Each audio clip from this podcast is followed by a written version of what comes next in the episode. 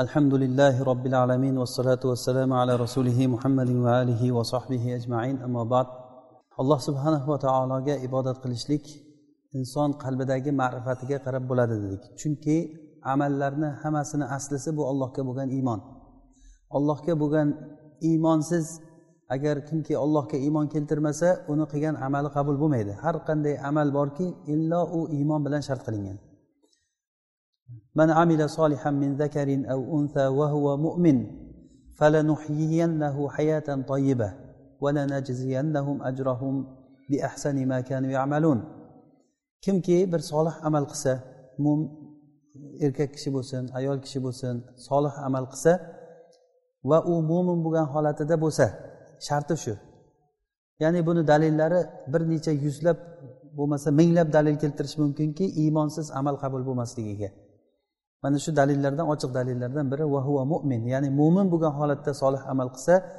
biz uni dunyoda yaxshi yashatamiz. Bu dunyoda. Ya'ni iymonli odam solih amal qilsa dunyoda yaxshi yashar ekan va oxiratda bo'lsachi ajrlarini ular oxiratda eng yaxshi qilgan amallarini ajri bilan ajr oladi. Ya'ni amallari har xil bo'lishligi mumkin. Eng yaxshisini ajri bilan ajr oladi degan. Demak amali solihni sharti iymon keltirishlik kerak ekan.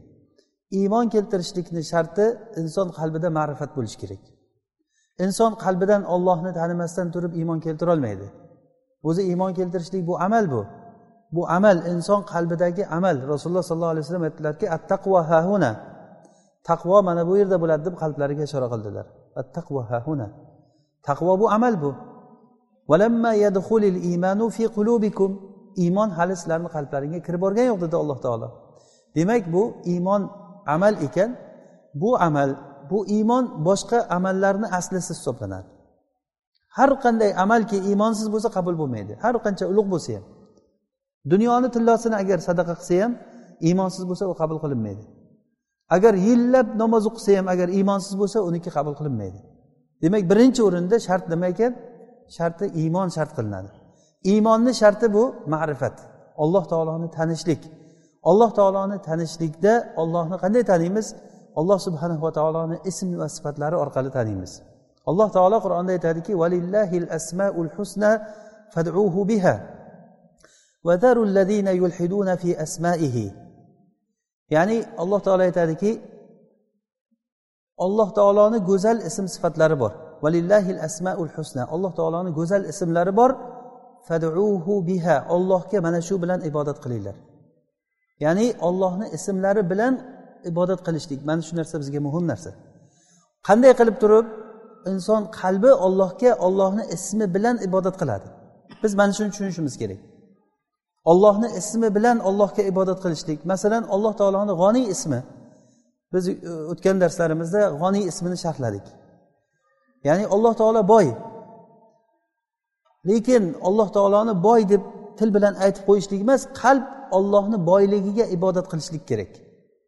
Alloh taolo aytganki ya ayuhannasu antumul fuqarou ilalloh vallohu huval g'aniyul hamid. Ey insonlar sizlar ollohga muhtojsizlar. O'zi sizlar ollohga muhtojsizlar degandan ollohni boyligi o'zi chiqadi to'g'rimi? Sizlar ollohga muhtojsizlar degandan keyin olloh o'zi boy degani bu. Lekin vallohu huval g'aniyul hamid yana takror kelyaptiki bu degani olloh boy lekin ollohdan boshqa ham boylar bo'lishi mumkinmi degan gapga chek qo'yib alloh taolo aytyaptiki vallohu huval g'aniyul hamid. Alloh taolo u boy degan. Ollohdan boshqa boy yo'q. Farishta bo'lsin inson bo'lsin kim bo'lishidan qat'iy nazar yuzga yuz ollohga muhtoj hamma narsa. Insonni faqirligi zotiy faqirlik ya'ni inson vujudi o'zi faqirlikdan iborat. Faqirlik degani bu muhtojlik degani. Insonni vujudi muhtojlikdan iborat. Shu turishini o'zida inson muhtoj bo'lib turadi. Hamma narsaga ehtiyoji bor. Hamma narsaga. U nafaqat yeyish ichish taomga balki inson hamma narsaga ehtiyoji bor. Tirik turishlik uchun o'zi o'ylab ko'ring insonga nimalar kerak. O'zi bugungi darsimizda inshaalloh mana shu haqda e, suhbat qilamiz. Demak alloh subhanahu va taoloni ism sifatlari orqali ollohni ismlari bilan ollohga ibodat qilishlik bu ikki xil bo'ladi. Birinchisi duaul masala deyiladi. Ollohni ismlari bilan ollohdan so'ralinadi. Masalan ollohdan boylik so'ramoqchi bo'lsangiz ya g'oniy ag'nini ey boy zot meni boy qilgin. Ya aziz aizzana ey aziz bizni aziz qilgin.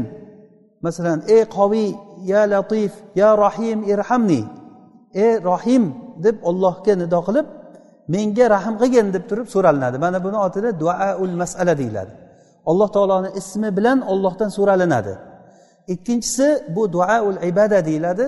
Alloh taoloni ismi bilan ollohga ibodat qilinadi. Bu muhim bu. Asosiysi mana shu.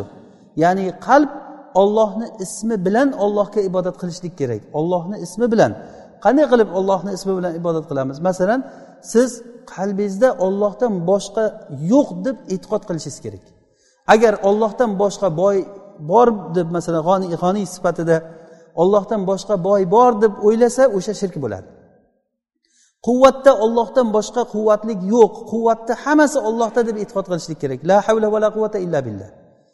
Izzat aziz ollohni o'zi. Ollohdan boshqada izzat bor deb qanchalik o'ylasa shunchalik shirk paydo bo'laveradi. Qalbda qanchalik darajada agar izzat bor deb o'ylasa o'shanchalik shirk paydo bo'laveradi. Qanchalik darajada izzatni hammasini ollohga qaytarsangiz shunchalik tavhid qalbda egallanaveradi alloh taoloni to'qson to'qqizta ismi bor. Inna lillahi tisatan va tisina isman. Faman ahsoha daxalal janna rasululloh sollallohu alayhi vasallam aytdilarki ollohni to'qson to'qqizta ismi bor. Kim agar shu ismlarni puxta egallab olsa jannatga kiradi degan. U faman ahsoha degani faman addaha uni sanasa degani emas. Huvallohul xoliqul bariul musavvirul deb turib xuddi she'r qilib turib e, tartib bilan aytib yuzta ismini to'qson to'qqizta ismini sanab qo'ysa bo'ldi jannatga kiradi degan gap emas bu. Bu degani alloh taoloni ismlari orqali qalb bilan allohga ibodat qilsa. Masalan g'oniy ismi bilan qalb ibodat qiladi boylikda ollohdan boshqa boy yo'q. Aziz ismida ibodat qiladiki ollohdan boshqada izzat yo'q. Ollohdan boshqada quvvat yo'q. Ollohdan boshqa rahmat egasi yo'q. Rahmat faqat ollohniki izzat faqat ollohniki mana shu qalbni ibodati degani. Valillahil asmaul husna faduhu biha bu juda muhim narsa. Chunki bu narsani tushunmasdan turib kishi mo'min bo'lolmaydi. Shirkni eshigini yopadigan narsa mana shu ilm bo'ladi. Tavhid eshigini ochadigan narsa mana shu ilm bo'ladi. Olloh subhana va taologa ibodat uchun yaratilindik biz. Sheriksiz yolg'iz ollohga ibodat qilamiz. Bu uchun alloh taoloni ismlari bilan ibodat qilamiz biz. Alloh taoloni to'qson to'qqizta ismi bor. Hammasi go'zal ismlar. Mana shu ismlar orqali ibodat qilishlikni o'rganishligimiz kerak biz. Masalan karim ismi o'tdi bizga. Vahhob ismi o'tdi. Ollohni karim ismi bilan qanday qilib ibodat qilamiz? Ikki xil bo'lar ekan. Yo ollohni karamini yo ollohni saxovatini shu orqali so'raymiz. Masalan ya karim ey karim o'zingni karaming bilan o'zingni saxiyliging bilan bergin deb ollohni karamini o'rtaga qo'yib so'ralinadi. Ya'ni karim zot deb turib so'ralinadi. Ollohni ismi karim ismi bor. Mana bu duaul masala deyiladi. Ammo duaul ibada deganligi duaul ibada alloh taoloni siz qalbingizdan e'tiqod qilasizki saxiy faqat ollohni o'zi. Chunki biz buni qisqa bir darslarimizda aytib o'tdikki saxiylik degani nima degani? Yaxshilikni ko'p berishligi va oson berishligi va uchinchisi nima edi? Doimiy berib turish kerak. Bu sifatlarda faqat ollohdan boshqa hech kim qilolmaydi buni. Hech kim ollohdan boshqa hech kim berolmaydi ham. Oson berish tugul o'zi berolmaydi va doimiy berishdiku endi qo'yavering. Berganda ham ollohni milkidan olib sizga berishligi mumkin. O'zinikini bermaydi u ham. Demak karim degani mana shu zot faqatgina ollohni o'zi. Vahob bu hiba qiluvchi zot sovg'a qiluvchi hadya qiluvchi zot. Hadya deganda biz nima dedik? Imom g'azzoliyni ta'rifini keltirib aytdikki hadya degani evazsiz berilingan narsa degan evazsiz berilingan narsani faqat ollohdan tasavvur qilsa bo'ladi ollohdan boshqadan tasavvur qilolmaysiz sizga kim agar hiba qilsa ham nima uchundir hiba qiladi? Yo sizga bir sizdan foydalanishlik uchun qilishligi mumkin hibani? Shu dunyoda aksar odamlarni hibasi hozir shundan iborat. Yoki bo'lmasa oxiratda umid qiladi mo'min odamlar bo'layotgan bo'lsa. Demak nimanidir evazi uchun qilyapti u ham. Lekin alloh subhanahu va taoloni qilayotgan yaxshiligi xolis yaxshilik. Mana shunda qalbimiz allohga ibodat qilishlik kerak. Bu ism sifatlarni doim bizda qur'onda o'tadi. Masalan qur'onda qaysiki bir amalga tezlasa alloh taoloni sunnati shundayki qur'onda qaysi bir amalga tezlasa o'sha amaldan keyin shu amalga qalb xotirjam bo'ladigan alloh taoloni bir ism sifatlaridan bitta keltiradi. Vakanallohu g'ofurar rohima deb turib vakanallohu samian basiro masalan bir narsaga alloh taolo buyuradidan keyin o'sha buyurgan narsasini orqasidan albatta bir o'zini go'zal ismlaridan keltiradi.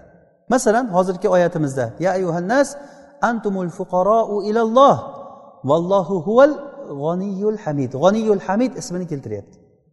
Ya'ni alloh taolo sizlar ey insonlar sizlar ollohga muhtojsizlar. Alloh taolo u g'oniyun hamid bo'lgan zot. Ollohdan boshqa g'oniyun hamid yo'q. Ya'ni hamid deganligi maqtovlik. Ollohni sifatlarida hamid ya'ni ikkita sifat bir biriga kelgan paytda shunday foydani beradiki masalan boy olloh taolo va bu boyligi maqtalingan boylik. Maqtovchisi bo'lmasa ham maqtalingan. Agar alloh taoloni hech kim maqtamagan paytda ham farishtalar insonlar hech narsa yo'q paytda ham alloh taolo hamid zot edi. Maqtovlik zot edi. Mana shu degani hamidni ma'nosi. G'oniyun hamid degani ollohni boyligida olloh maqtalingan zot degani. Mana shunday sifatlardan biri rohman ismi alloh taoloni. Rohman biz ikkita darsimizda shu rahmat haqida gapirdik. Biz aytdikki rahmat ollohdan boshqada rahmat yo'q bo'lsa ham olloh bergan rahmat. Abu hurayrani hadisini esladik a abu hurayra aytdiki rasululloh sollallohu alayhi vasallam aytdilarki alloh taolo rahmatni yuz juz qilib yaratdi yuz bo'lak qilib. Shundan to'qson to'qqiztasini o'zini huzuriga olib qo'ydi. O'zini huzuriga qanday? Arshni tepasiga olib qo'ydi eng maxluqotlarni tepasiga eng ulug' sifatini alloh taolo olib qo'ydi rahmatni. Va bir juzini haloyiqqa tarqatdi bu insoniyatni umuman haloyiqni yaratgandan boshlab qiyomat kunigacha bo'layotgan rahmat o'sha bir juzini taqsimlab tashlangani o'shandan sizga qanchadir tekkani. Va sizga qanchadir tekkani ya'ni odamlarga nasibasi tegdi. Bu rahmatdan nasiba tegdi hammaga. Hayvonlarga ham bu nasiba tegdi. Hattoki shu rahmatni asaridan hayvonlar o'zini bolasini bosib yubormasdan oyog'ini ko'taradi dedik mana shu rahmatni asaridan. Ko'ring ollohni rahmatini asarini ko'ring. Hattoki aqli yo'q bo'lgan hayvonlarda ko'rasiz bu narsani. Bu ollohni yaratgan rahmatini asari bu.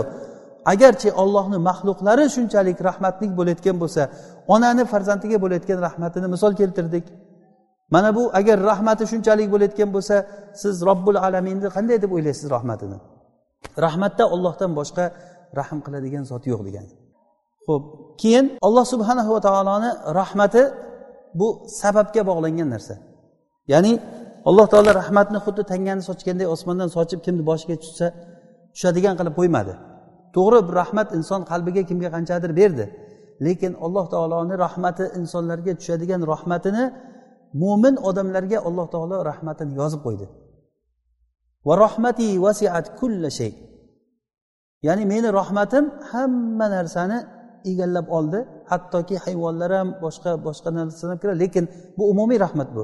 Lekin ollohni xos rahmati faqat mo'minlarga tushadi. Biz ollohdan umid qilamizki mana shu rahmatini bersin alloh taolo. Lekin bu rahmatni sababini qilmasdan turib xom xayol bo'lmaylik. Ollohni rahmatini sababini qilmasa rahmat tushmaydi.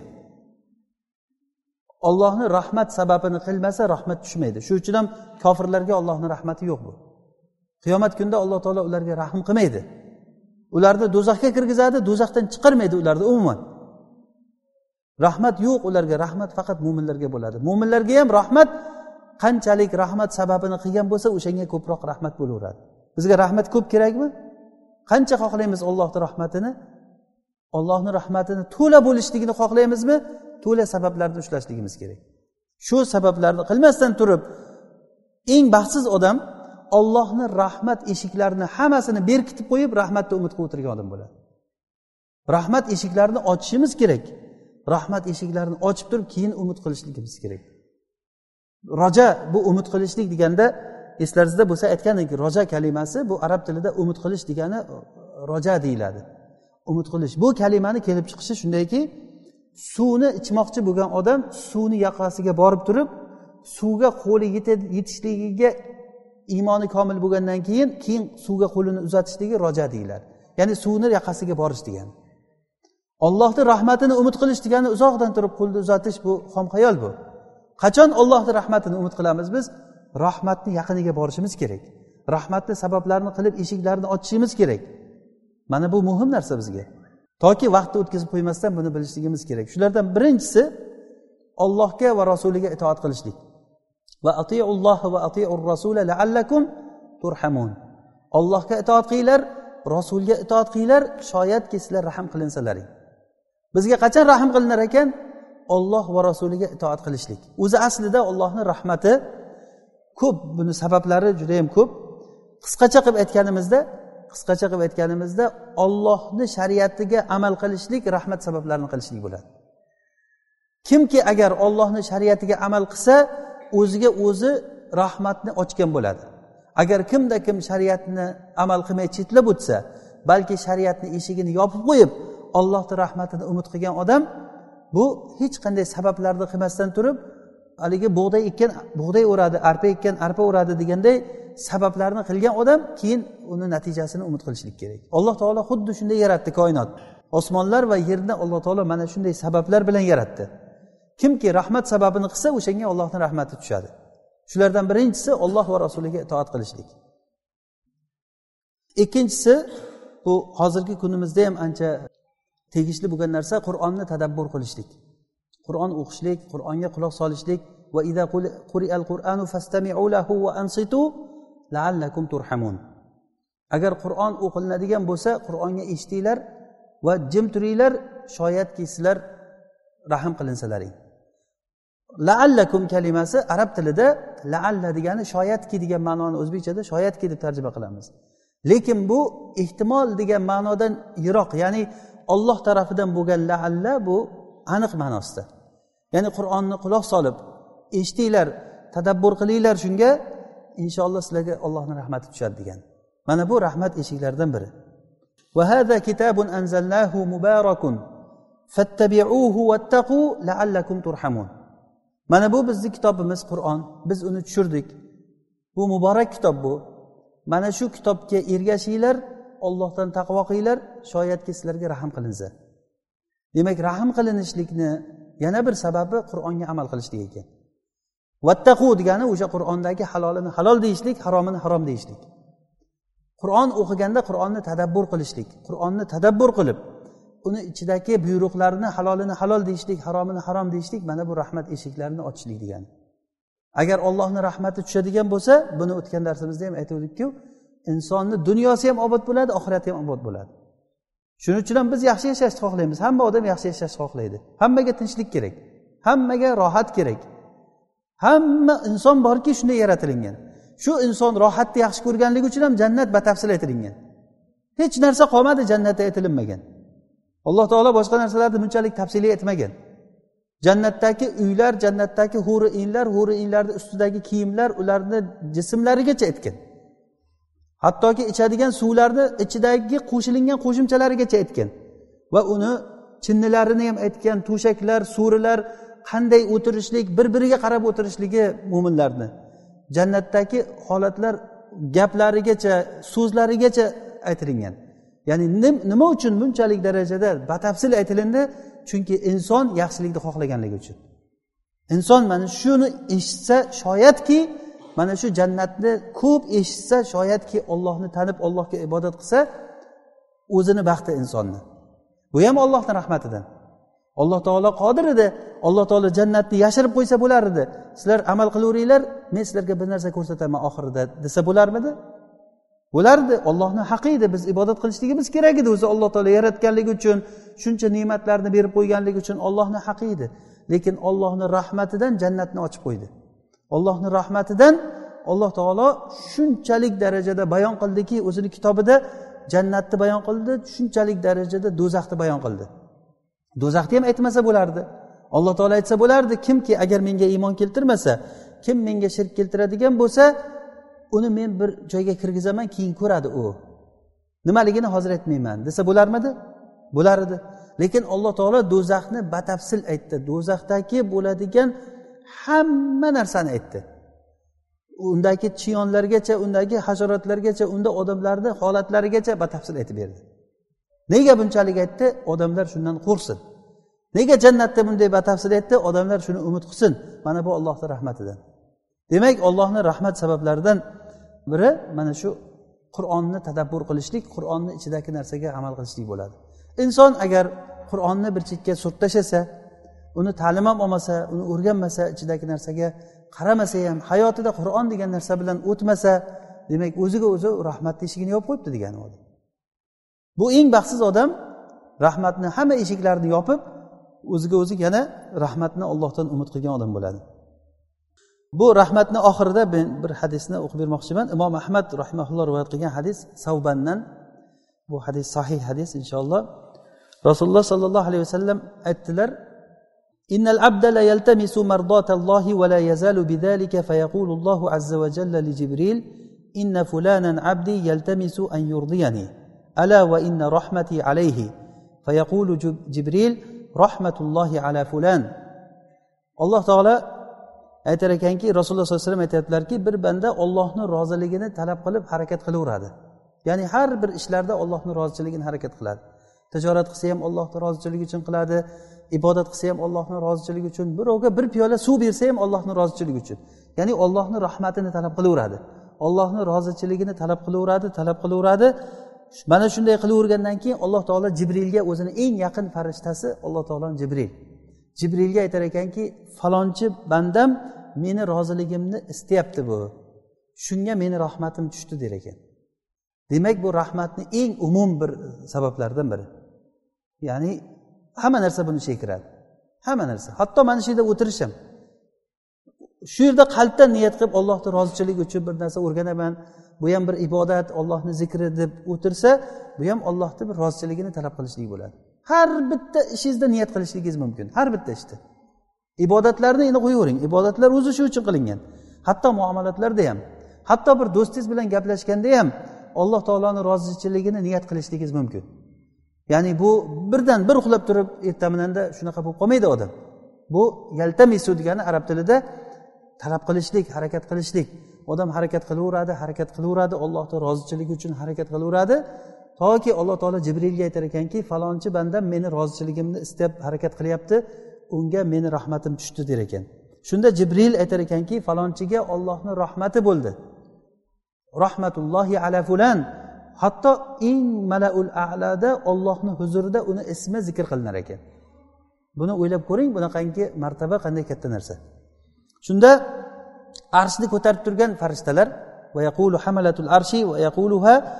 man havlahum buni arshni ko'tarib turgan farishtalar ham aytar ekan falonchiga ollohni rahmati bo'ldi deb va atrofdagi farishtalar keyin aytar ekan. Ya'ni alloh taolo o'ziga eng yaqin bo'lgan jibrilga aytar ekan jibril aytgandan keyin arshni ko'tarib turgan farishtalar aytar ekan falonchiga ollohni rahmati bo'ldi deb. Hattoki osmon ahli yettita osmondagi hamma farishtalar aytar ekan falonchiga ollohni rahmati bo'ldi mana bu nima sababdan bo'ldi? Ollohni rahmatini talab qilganligi uchun bo'ldi. Ollohni rozichiligini talab qilganligi uchun bo'ldi.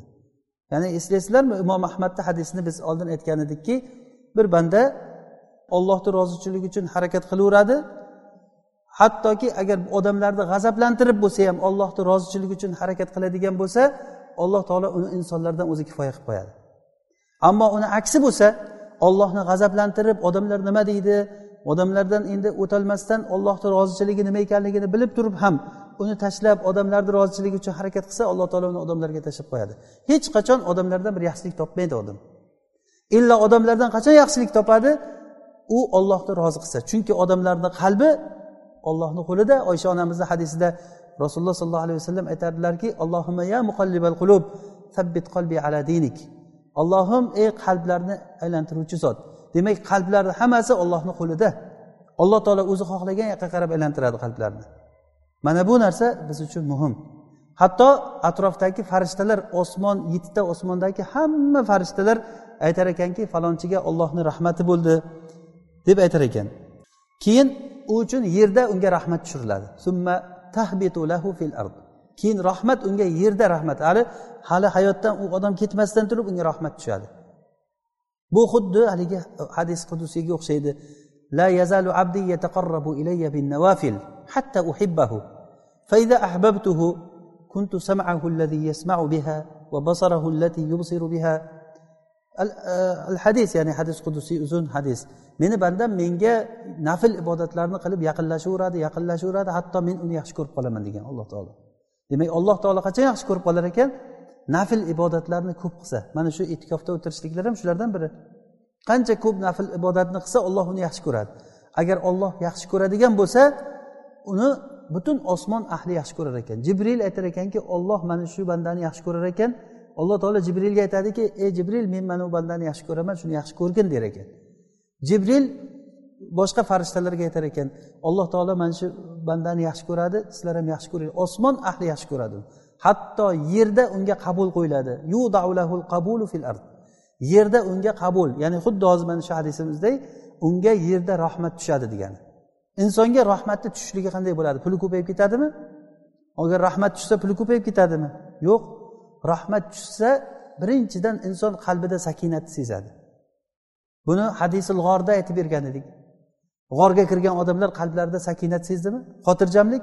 Rasululloh sollallohu alayhi vasallam g'orga kirgan paytlarida abu bakr bilan birga qalblarida xotirjamlik sezdilarmi? Mana shu rahmat bo'ladi. Mo'min kishini qalbiga tushadigan xotirjamlik bu rahmatni asarlaridan biri. Agar rahmat bizga tushadigan bo'lsa oilada totuvlik bo'ladi. Agar rahmat tushadigan bo'lsa insonni ozgina bo'lsa ham yer icharida baraka bo'ladi. Inshaalloh bu darsimizda hali keyingi alloh taoloni ismiga taalluqli joyi bor. Takror takror takror gapiraveramiz bir birimizga eslataveramiz alloh taoloni rahmatini eslatamiz toki qalbimiz mana shu bilan allohga ibodat qiladigan bo'lguncha. Bu narsa biz uchun juda ham muhim bo'lgan narsa. Alloh taoloni yana bir go'zal ism sifatlaridan biri muqit ismi alloh taoloni muqit. Bu qur'onda bir o'rinda kelgan. Qur'onda bir o'rinda kelgan man yashfa shafaatan hasanatan yakun lahu nasibun minha va man yashfa shafaatan sayyiatan yakun lahu kiflun minha va kana allohu ala kulli shay'in muqita. Va kana allohu ala kulli shay'in muqita. Kim agar yaxshilik uchun o'rtaga tushib shafoatchi bo'lsa unga shundan nasiba bo'ladi shu yaxshilikdan. Bir yaxshilik ishni bitirishlik uchun o'rtaga tushib yaxshilik uchun odamlarni o'rtasiga tushasiz birovga yordam berishlik uchun harakat qilasiz. Shundan sizga nasiba bor. Kim agar yomonlik uchun shafoatchi bo'lsa o'zi asli yomonlikka shafoatchi bo'lmaydi. Bu muqobala deyiladi arab tilida mushakala deb. Undan oldingi shafoat deganligi uchun bunda ham shu aytilinyapti. Kim agar yomonlikni o'rtasiga tushsa bir kishini o'rtasiga tushib birovga zulm qilinishligiga sababchi bo'lib qolsa undan o'sha nasibasi bo'laveradi. Zulmga sherik bo'lgan odam masalan bir kishini solih kishini yo bir mo'minni boshqa bir odamlarga borib choqimchilik qilib turib aytib bersa u aytib bergan odamlari bunga zulm qilsa bunga shundan nasiba bo'laveradi degani. Va shundan keyin alloh taolo aytyaptiki alloh taolo har bir narsani o'zi ozuqasini beruvchisi. Muqit ya'ni bu arab tilida muqit kalimasi lug'atda o'zi quvvat ma'nosi bor. Ya'ni alloh taolo qodir ya'ni har narsaga qodir ma'nosida keladi. Asli lug'aviy ma'nosi qudrat ma'nosida keladi. Bu quraysh lug'atida qota yaqutu degani qodara yaqdiru ma'nosida muqita degani qodiro muqtadiro ma'nosida bu quraysh lug'atida xuddi shunday kelgan deyilgan va ikkinchi ma'nosi hafiz ma'nosida hafiz. Alloh taolo har bir narsani asrab turuvchi degan va yana boshqa ma'noda umumiy ma'no biz hozir shu ma'noni haqida gapiramiz. Alloh taolo har bir narsani ozuqasini ya'ni aytish mumkin energiyasini beruvchi zot degani. Har bir narsani. Bu faqatgina bizga yeydigan taomimizdan ko'ra umumroq bo'lgan narsa. Muqit degani taomni yetkazib berib insonga yaratib berib yetkazib uni inson ichiga kirgizib joylariga yetkazib beruvchi degani. Buni ollohdan boshqa kim qiladi buni? Taomni yedingiz. Hali yeyishgacha u masala u taom sizni oldingizga kelguncha. Taomni yegan paytda uni chaynab yutgandan keyin oshqozonda u singib qanchasi qon bo'ladi qanchasi go'shtga qanchasi boshqa joyga qanchasi yoqqa hal bo'lishi kerak ovqat. Kerakmas joyi chiqib ketishi kerak. O'sha insonni hattoki barmoqlarini uchigacha yetib keladigan ozuqa tirnog'i o'syapti masalan. Shu tirnoq nimaga o'syapti? Ozuqa kelib turganligi uchun o'syapti to'g'rimi? Soch soqol o'syapti nima uchun o'syapti? Ozuqa kelib turganligi uchun. Mana shu ozuqani kim beryapti? Olloh beradi. Ala kulli shay har bir narsaga. Hatto maloikalarga ham. Maloikalarni ozuqasi tasbeh demak ozuqa har xil bo'ladi. Masalan hayvonlarni ozuqasi masalan bir xil hayvonlar bor faqat go'sht yeydi. Bir xil hayvonlar bor faqat o't yeydi.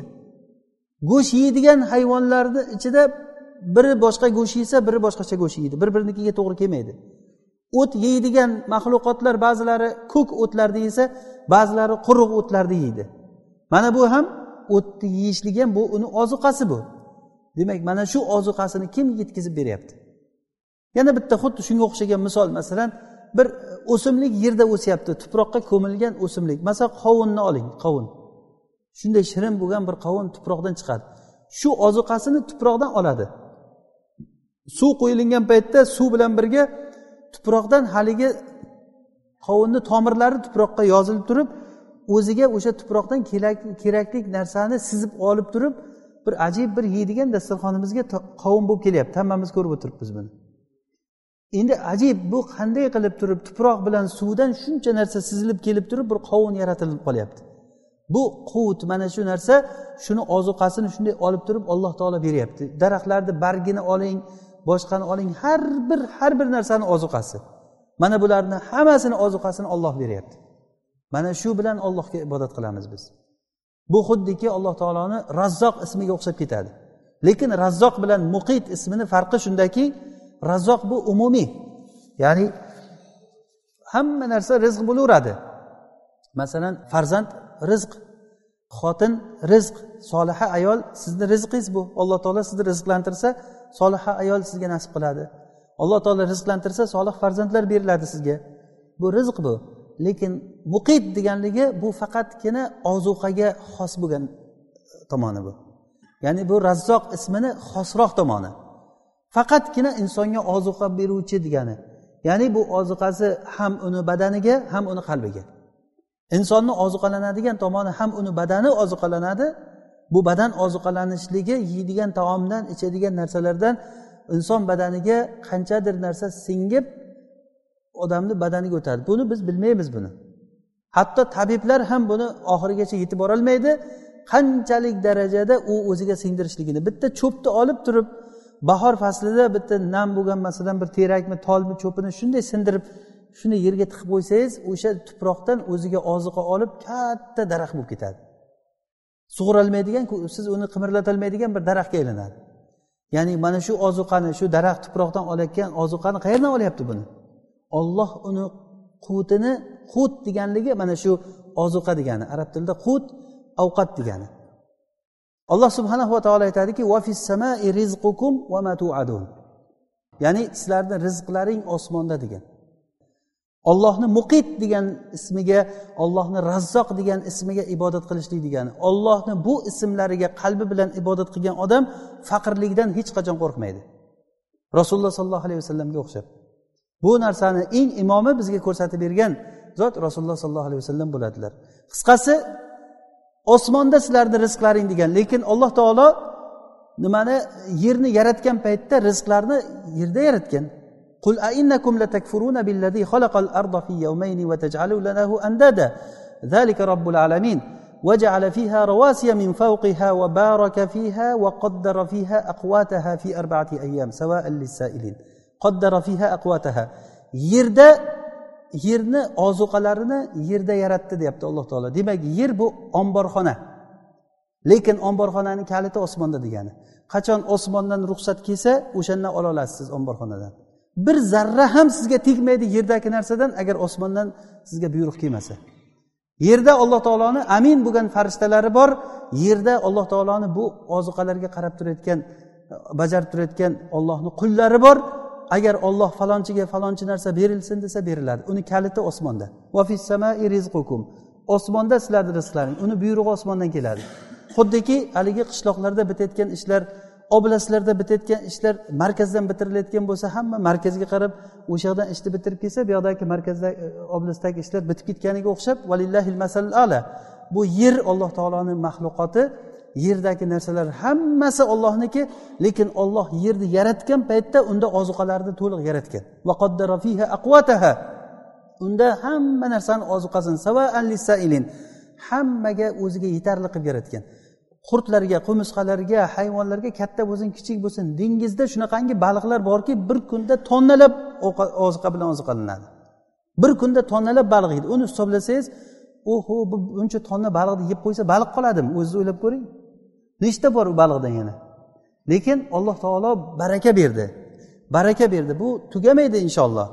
Chunki olloh uni hisob kitob bilan yaratgan hammasini. Inshaalloh bu suhbatimizni davomi bor. Alloh taolo bizga foydali ilm bersin.